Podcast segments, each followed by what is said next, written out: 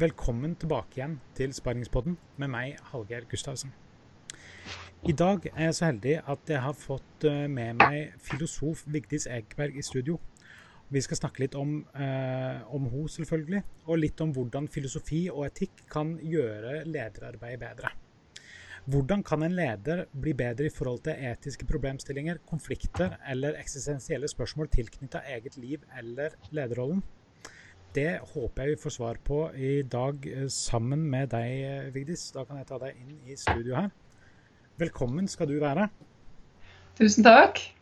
Eh, kjekt at du tar deg tiden til å være med meg i mitt eh, Jeg vet ikke om jeg skal si ydmyke studio. Eh, mitt eh, simple studio. Det begynner å bli bedre nå, men har alltid forbedringspotensial.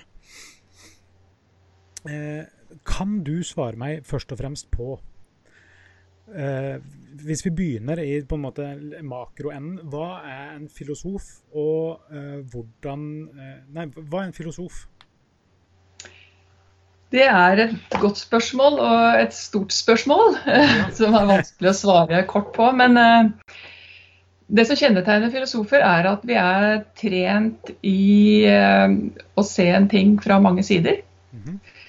Og tenke en tanke helt ut, sånn at vi ser alle detaljer som er rundt en problemstilling. Og eh, argumentere for Eh, det som er det ståstedet vi mener er riktig. da. Men eh, vi evner, for å kunne gjøre det, så må vi også sette oss inn i hva andre tenker. Mm. Så, så, det er en stor perspektivrikdom i det å være filosof, egentlig. Mm.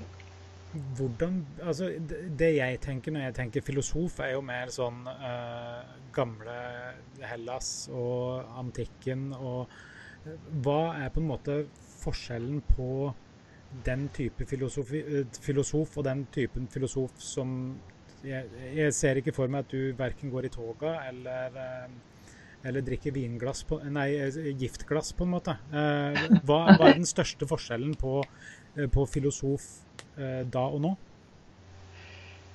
En filosof nå har jo en mye større kanon å forholde seg til i forhold til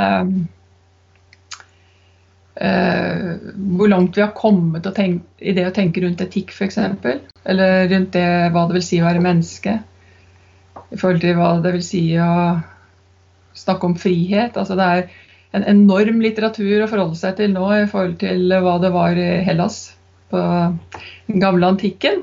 Mm. Men når det er sagt, så er vi i veldig stor grad inspirert av de gamle greske filosofene også kalt de gamle døde filosofene. så, um, så, jeg jobber med filosofisk praksis, og hele filosofisk praksis Bevegelsen, hvis vi kan kalle det bevegelse, er inspirert av Sokrates, som gikk rundt i gatene i Aten og snakket med mennesker han møtte om filosofiske spørsmål. Og hans tanke var jo at vi sitter med svaret inni oss alle sammen. Men at vi ofte kan trenge en fødselshjelper for tankene, en filosof som kan hjelpe oss å forløse den kunnskapen vi allerede sitter inne med. Er det det som kalles uh, philosophic counseling? Eller... Ja, på engelsk så kalles det philosophical counseling eller filosofisk praksis. Ja. Ja, okay. I Norge kaller vi det filosofisk praksis. da. Ja. Uh, det er også i Tyskland og sånn, så er det det som er det gjengse begrepet. Mm. Hvordan jobbe Altså, eh, jeg er leder i en bedrift. Hvordan kan jeg, eh, hvordan kan jeg benytte en filosof for å bli bedre i eh, jobben min?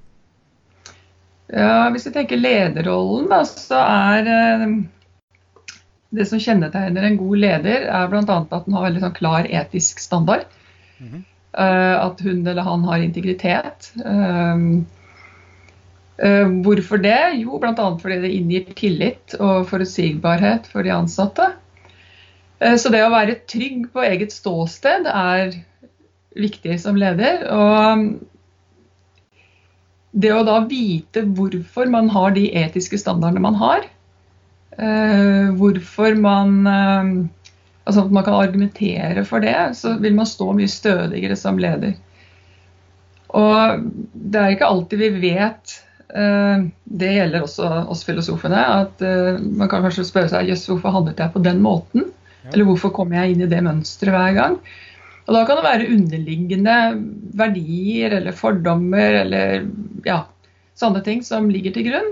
Og det å få klarhet i de verdiene kan være veldig, veldig nyttig. Så eh, det å på en måte eh, Mener du at alle, alle bedrifter burde ha sin egen filosof, på en måte, eller er det litt overkill? Eh, nå er det jo mange størrelser på bedrifter, og det vil jo koste å ansette filosof på heltid. Ja. Men det er jo mulig å leie inn. Eh, eh, ja, for det som er Hvis man er veldig har veldig forståelse av sin egen, sitt eget ståsted, hvorfor man har de verdiene man har, så har man også veldig mye mer stødig grunnlag å ta beslutninger på. Man vet klart hvorfor det er disse beslutningene man går for, og det kan man da presentere for andre og fortelle andre hvorfor man mener det er riktig. Mm. Uh, OK, jeg skal prøve å uh, re, refrase Um, er, er det sånn at eh, det er litt som en etisk personlig trener? Altså at man ikke nødvendigvis altså kan Det å gå gjennom ting man har gjort eller sagt, og prøvd, prøver å på en måte eh, kognitivt bare skrelle ned hvorfor og på grunn av hva. At det er det Mm. man gjør. Eh, Mm.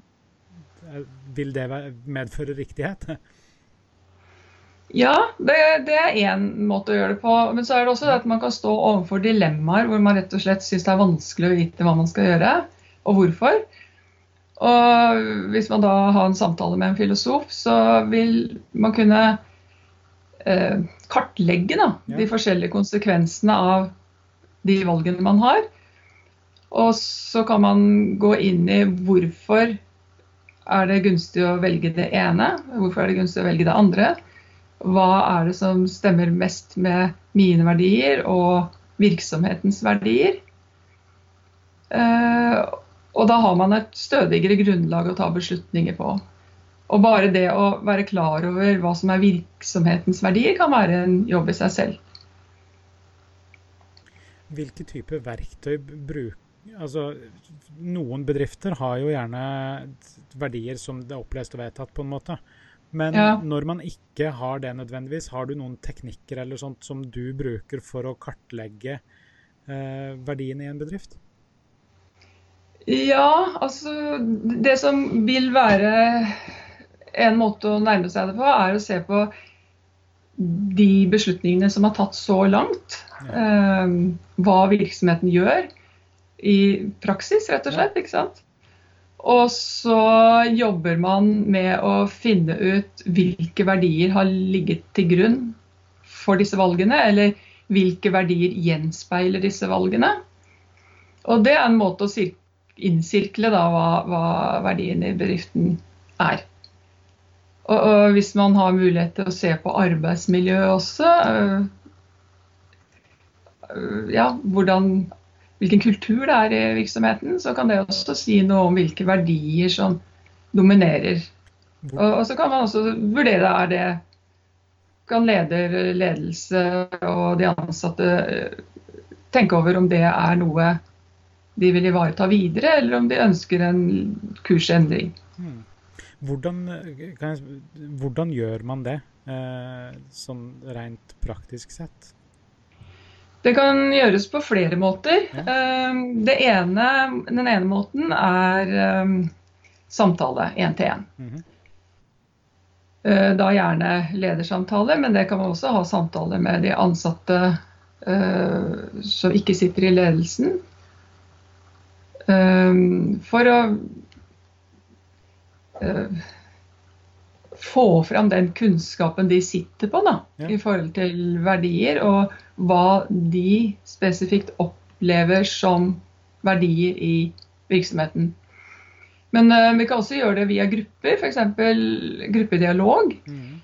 Og Der har vi igjen to måter å gjøre det på. En veldig uformell, som er, kalles filosofisk kafé, som kanskje er mer sånn kickoff-arrangement, Ja. hvor man har lyst til å diskutere hva samarbeid. Eh, hvis vi skal tenke at vi skal finne ut hva samarbeid er, så Eller godt samarbeid, kan man kanskje si. Ja, Så kan man ha en sokratisk dialog, og det, da hører du jo hvem den er inspirert av. absolutt. Og det er veldig no.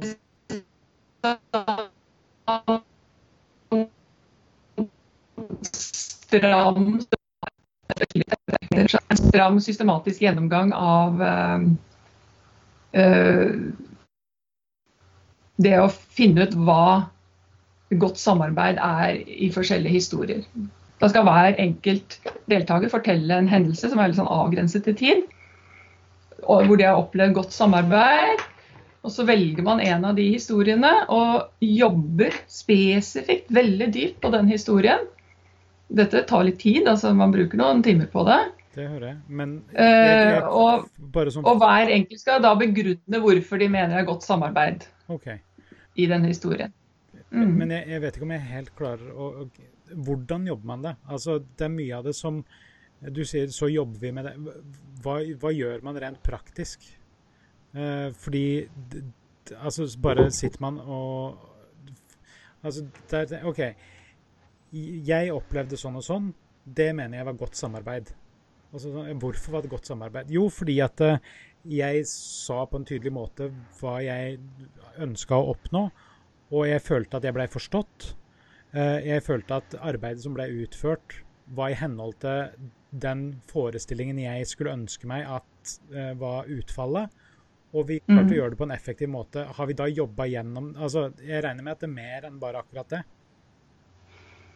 Ja, fordi her jobber vi med en historie som ikke nødvendigvis er ens egen. Ja, ja. Ja, så det, det, og det som er, Når man har på en måte gitt fra seg den historien, og den er skrevet ned, vi kommer til å skrive den ned, så skal hver enkelt gå inn på enkeltpunkter i den historien og si der er det som kjennetegner godt samarbeid. Okay, Ja. Og så spør jeg da hvorfor det? Hvorfor er det sånn? Og da skal hver enkelt begrunne sin påstand. ikke sant, den første påstand, Mm. Så skal de begrunne den. Og så sier si man er ti stykker som har gjennomgått det, så skal de andre være tålmodige og høre på uh, den, uh, hver enkelt formulere begrunnelsen sin. Ja. Altså, nå, det er godt samarbeid der fordi uh, hun ble sett. Av sin kollega eller leder Mm. og lytte til. Mens en annen vil kanskje si det var godt samarbeid i den historien eh, fordi vi fant en felles løsning. Og så får man alle disse påstandene med begrunnelser, og så skal man da begynne å hver enkelt da, igjen begrunn, prøve å si det litt mer allment, da. Uh, hvorfor hva godt samarbeid er ut fra det de mener er godt samarbeid i historien. Altså at jeg ble sett, f.eks. Og, og så sitter man igjen med da til slutt et sett med felles eh, oppfatning av hva som er godt samarbeid, og hvordan man kan oppnå godt samarbeid. Ja. Da prøver man til slutt å bli enig om en sånn felles beskrivelse av godt samarbeid. Da. Og det som, her, I den prosessen her så lærer man samtidig en måte å tenke på. Mm. Og man lærer å lytte til hverandre og ha tålmodighet til å formulere en begrunnelse. Eh, noe som er viktig i argumentasjon i hverdagen uansett. Mm. Og um, hver enkelt får trent seg i det å, å gi en grunn for det man mener. Ikke bare å kaste ut en mening, men også gi en grunn, en best mulig grunn for det man mener. Så, så det, er sånn, det er en sånn filosofisk trening i det å gjøre dette her. Uh, som vil kunne bedre samarbeid og teamfølelse seinere. Ja, jeg kjenner at jeg liker godt tanken allerede, fordi det, det høres ut som om det er en god trening på å eh, argumentere, egentlig. Altså det ikke, Argumentere og være presis. Ja. Og ikke bare slenge ut av seg noe, men altså å ta hverandre på alvor, ikke minst. Mm. Og det er ikke lov til å henvise til noen filosofer hvis man har vært eh, Eller teorier Ja, ja. eller noe sånt, altså hvis man har lest noe psykologi eller whatever. Det, det skal komme fra en selv. Ja. Det er en av de sokratiske reglene i sokratisk dialog. Jeg, jeg liker det. Jeg syns det høres, eh, eh, høres spennende ut sånn sett. Eh, men når det gjelder altså, hele Hva var det som gjorde at du bestemte deg for at hm, lurer på om jeg skal bli sånn filosof, jeg? Du, jeg um, har vel vært en grubler hele livet. Men det var absolutt ikke mine tanker å bli filosof da jeg gikk på videregående skole, eller heller ikke tidlig i yrkeskarrieren. Men eh, jeg fikk en sånn etisk interesse eh, som følge av jobben min og studiene på BI. Mhm. Fordi jeg oppdaget at det var veldig forskjellige meninger om eh, hvor fri man var til å kunne påvirke eh, praksisen sin, altså hvordan man jobbet i næringslivet. Ja.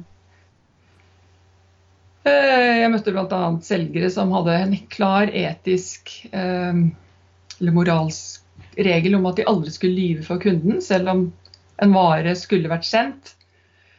Eh, så er det fristende å si ja, men den har blitt sendt i dag. men hvis den ikke var sendt i dag, mm. så, så var det, liksom, de var veldig klare på at det skulle de uh, være ærlige på. Mhm. Ikke prøve å dekke over at de hadde gjort en tabbe. Mens andre eh, søkte veldig stor grad å dekke over tabbene. Og på BI også så var det noen som tenkte at nei, vi må gjøre det sånn fordi det er business. Eh, og, og vi filosofer er jo opptatt av gode og mindre gode begrunnelser. Ja. Ja, så, men, så det trigget meg litt, da. Eller veldig mye, egentlig, til å forstå mer av etikk. Så, så jeg, jeg I tillegg så følte jeg meg litt historieløs. Jeg har jo gått handel og kontor også, så, så jeg følte meg litt historieløs. Så jeg hadde lyst til å ta X-Fil. Mhm. Og så kom den anledningen at jeg gjorde det, og da Da mm, ble jeg hekta, Ja, for å si det sånn. Så da ble det grunnfag og mellomfag og hovedfag og doktorgrad. Mm. Ja, jeg, jeg tok X-Fil, jeg for så vidt, husker jeg. Men eh, eh, jeg klarte nok ikke å bli like hekta, derav den manglende doktorgraden. Eh, men, men kan jeg spørre, hvor, hvor stiller du deg da i forhold til sånn som eh, det du lærte på BI, på en måte? Eh, for på én side så, så, så tenker jeg altså, det å lyve til folk generelt, men spe spesifikt kunder og sånt jeg, jeg mener jo at det ville jeg jo aldri ha gjort. Eh, jeg, min oppfattelse er at man, man kommer mye lenger med å være tydelig på hva som er tilfellet, hva som er sant, og, og ha re realistiske forventninger og de tingene der sånn. Mm. Men det er litt sånn eh, Hvis man prøver å eh, sjekke opp eh, noen på byen, så trenger du ikke nødvendigvis å liste opp alle de dårlige sidene du har. Eh, man vil jo på en måte trekke fram det som er positivt, eh, og så kanskje ha en liten asterix med at det er mer her. Men eh, jeg trekker ikke det fram eh, første date, på en måte. Altså, hvor stiller du deg da? Det, det er jo ikke Jeg har jo ikke noen tanke om at man skal drive med bekjennelser. Ok, Det nei, er ingen som krever det. nei. Eh, og jeg må jo si det at de aller fleste er jo veldig ærlige og ser også sin evne til å kunne påvirke verdier. Mm. Så det jeg trakk fram så, fra BE da, om at det, det er business, det, det gikk forresten ikke på det å være ærlig eller ikke heller. Det gikk på andre ting. Men, ehm, uh, så, så det er, men, men det var interessant å se, grave litt i hvorfor folk har forskjellige oppfatninger om sin egen kraft til å kunne påvirke. Da. Ja, ja, og det, det Og, og jeg, jeg tenker at uh, etter å ha studert i så mange år, så ser jeg også det at jeg tror det handler om hvorvidt vi er styrt av noen antatte ytre verdier, Dette var jo studenter som ikke hadde begynt å jobbe ennå. Uh, og hvorvidt vi er styrt av egne indre verdier. Ja. Og det at det nå de siste 10-20 årene, kanskje 30, også har blitt veldig, veldig stor fokus på at man skal ha klargjort sine bedriftens eller virksomhetens verdier, er veldig viktig, tenker jeg, i forhold til den ytre stilen vi alle jo er påvirket av. Men hva liker du best med den, den, type jobb som du har nå? Altså, hva er, det, hva er det, som, hva er det du elsker med å kunne jobbe med filosofi? Ja. Oi, det er flere ting. Eh, jeg har jo en sånn brennende interesse for filosofi og det å kunne tenke omkring en sak fra flere perspektiver. Og tenke en tanke helt ut. Eh, men det, det blir litt verdiløst hvis jeg ikke kan bruke det i eh, livet utenfor bøkene og utenfor mitt hode. Så det å kunne gjøre det aktuelt for andre mennesker og, og um, ja, gjøre det aktuelt for vår daglige praksis, egentlig. ikke sant? Ja alt vi gjør er gjennomsyret av etikk. Tenk deg bare på når du gir Nå bruker man bankkort, da, men hvis man gir penger til en uh, betjent i en butikk Hvis du gir fra deg 500 kroner, så forventer du jo at vedkommende gir deg tilbake riktig vekslepenger, og at uh, hun eller han ikke reiser seg og stikker av. Ja. Så der er det allerede en tillit i relasjonen. Mm. Og vi er, de aller, aller fleste av oss er jo skrudd sammen slik at vi vår første innskytelse er at andre snakker sant. Eh, så det er eh, Alt vi gjør, er basert på tillit og har etikk i seg. Hva, hva, vil du si at du misliker mest med å jobbe med filosofi, da? Hvis noe? Ja, hvis noe var uh, viktig.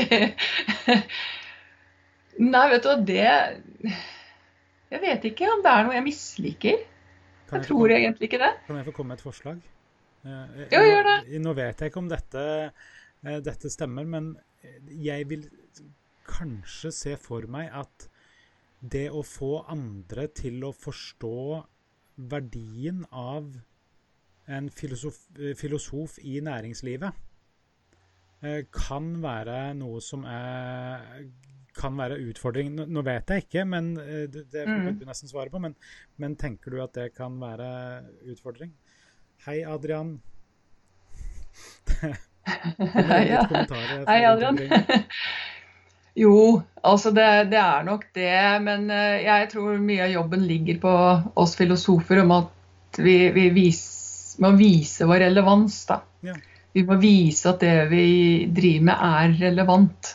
At vi kan mye mer enn å titte på stjernene og tenke. Ja, du kan omsette det som uh, den treningen vi har. Mm. Det er jo ikke bare det vi har lest, men vel så mye, og kanskje aller mest, den treningen vi har i å jobbe filosofisk. Og, og det å filosofere er noe veldig, veldig mange mennesker gjør. Mer eller mindre. Uten at, de, uten at de kanskje tenker over det som filosofering også. Mm. mm. Ja, nei, eh, Grunnen til å tenke på det, er fordi at eh, alle, alle, ganger man skal på en måte selge inn en, eh, en tjeneste eller produkt til noen mm. så sånn, Hvis du har et renholdsfirma, så ja. alle bedrifter har Enten så uh, gjør man renholdet selv, eller så har man et firma som gjør det. Mm. Uh, hvis du driver med regnskap, så alle bedrifter må jo ha noen som tar seg av regnskapet. Mm. Uh, men det er ingen, foreløpig i hvert fall, gjengs jern, eller tanke om at alle må ha et forhold til filosofien av bedriften eller bedriftens etikk. Og det er der jeg mener at kanskje det kan være tyngre enn andre typer bedrifter, for du må først informere folk om behovet de har. Ja, Eh, nå har det jo blitt brøytet en del vei allerede, siden det er såpass stor fokus på verdier. Ja, ja og den ser jeg. Så, så det, det, er jo en jobb som har vært gjort både fra uh, BI sin side uh, og Handelshøyskolen og ja, akademia som jobber med ledelse. Uh, og vi, vi, jeg tenker også at vi, vi, beveger oss litt inn på coachens område. Eh, nå er coaching veldig mye, så jeg skal ikke uttale meg noe bombastisk der. Jo, og vi beveger oss også innenpå på ledelsespsykologene ja. sin side, ikke sant. Ja. Uh, vi har jo, men nå har jo filosofer vært opptatt av menneskers liv og hva det vil si å være menneske i praksis i et par-tre tusen år. Ja. Så vi, vi, vi, har jo mye å fare med på det området, vi også. Så det er, det, utfordringen blir jo å, å, vise hva som er unikt ved det å komme inn som filosof kontra det å komme inn som en coach eller sosiolog eller psykolog ja. i eh, bedrifter. Mm. Hvordan, hvordan, får du de beste ideene dine? Har du en prosess? Du vet hva, jeg vil heller si at uh, jeg vet hva jeg skal gjøre hvis det ikke kommer ideer. Ja, ok. Ja, ja. greit. Da skifter jeg miljø. Altså. Det kan være alt fra at jeg bare tar en pause fra arbeidet og spiller litt tverrfløyte, som jeg begynte med for noen år siden.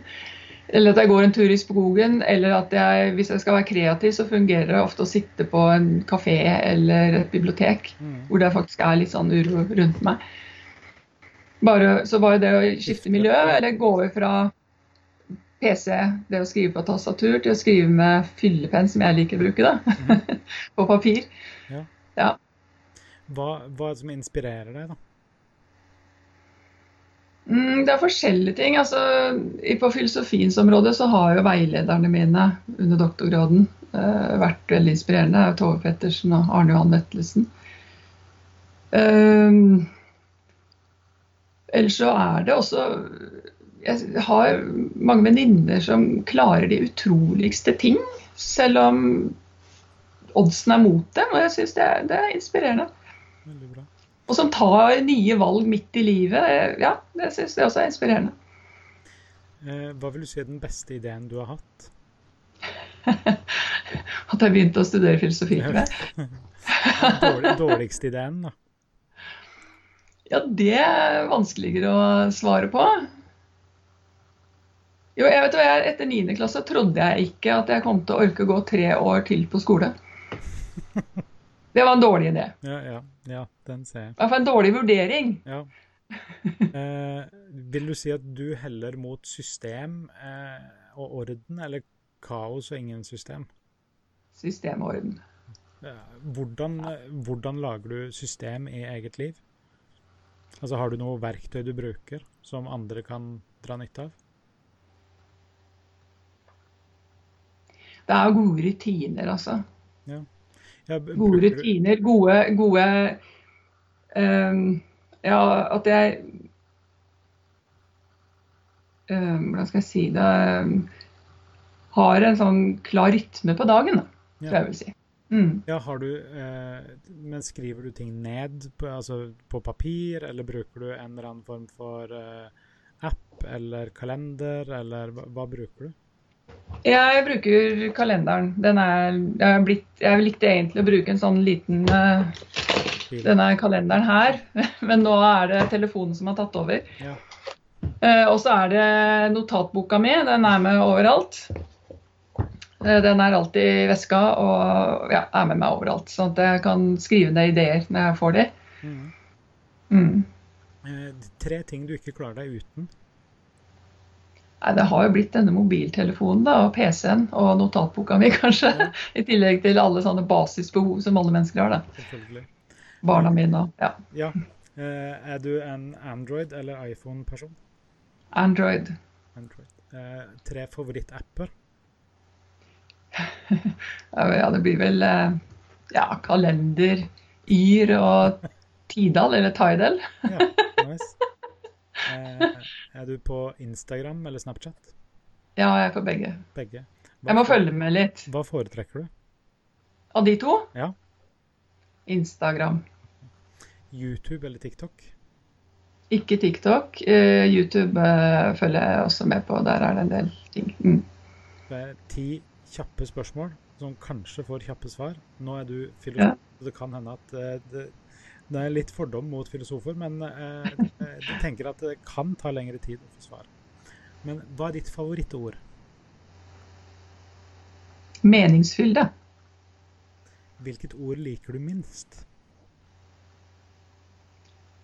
Det går ikke an. Det var kanskje tre år, det der, men eh, Hvilke ting blir du gira av? idérikdom. Hvilke ting misliker du? Løgn. Hva er din favorittlyd? Barnelatter. Sånn som, liksom, sånn som bobler opp fra magen, og så bare popper ut av munnen. da blir jeg glad, altså. Hvilken lyd hater du? Knirkelyden nei, Knirkelyden er sånn nyvaska tøy mot knapper. Mm. Eh, hva er ditt favorittbanneord? På banning light, tror jeg. da. Mm. Eh, Filleren. Hvis du skulle hatt et yrke utenom det du har nå, hva ville det ha vært? Oi.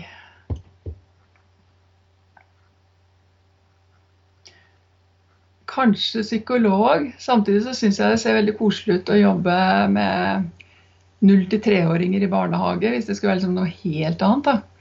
Som ikke var eh, ja, akademisk. Jeg kan ikke dele entusiasmen din der for barnehage, men, eh, men ja.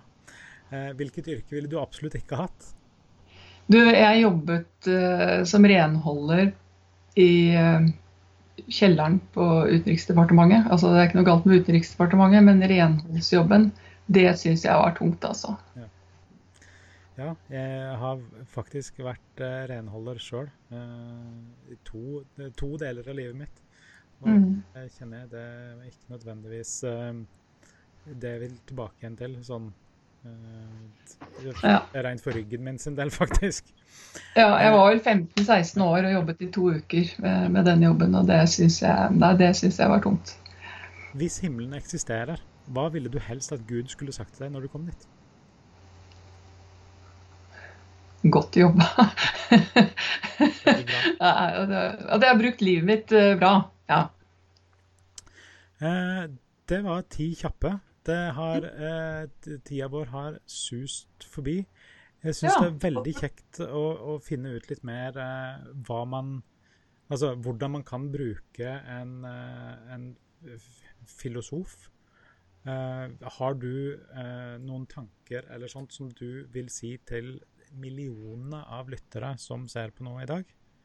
Eller som ser på seg? Mm.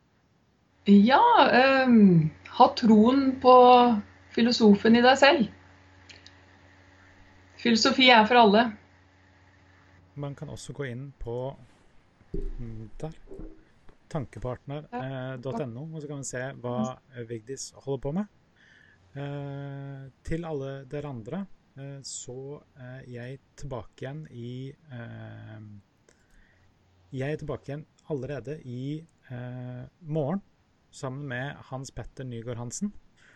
Eh, veldig kjekt å få, få snakka med Vigdis nå om hva en filosof faktisk kan gjøre i en bedrift. Eh, ha en riktig fin dag, så snakkes vi plutselig.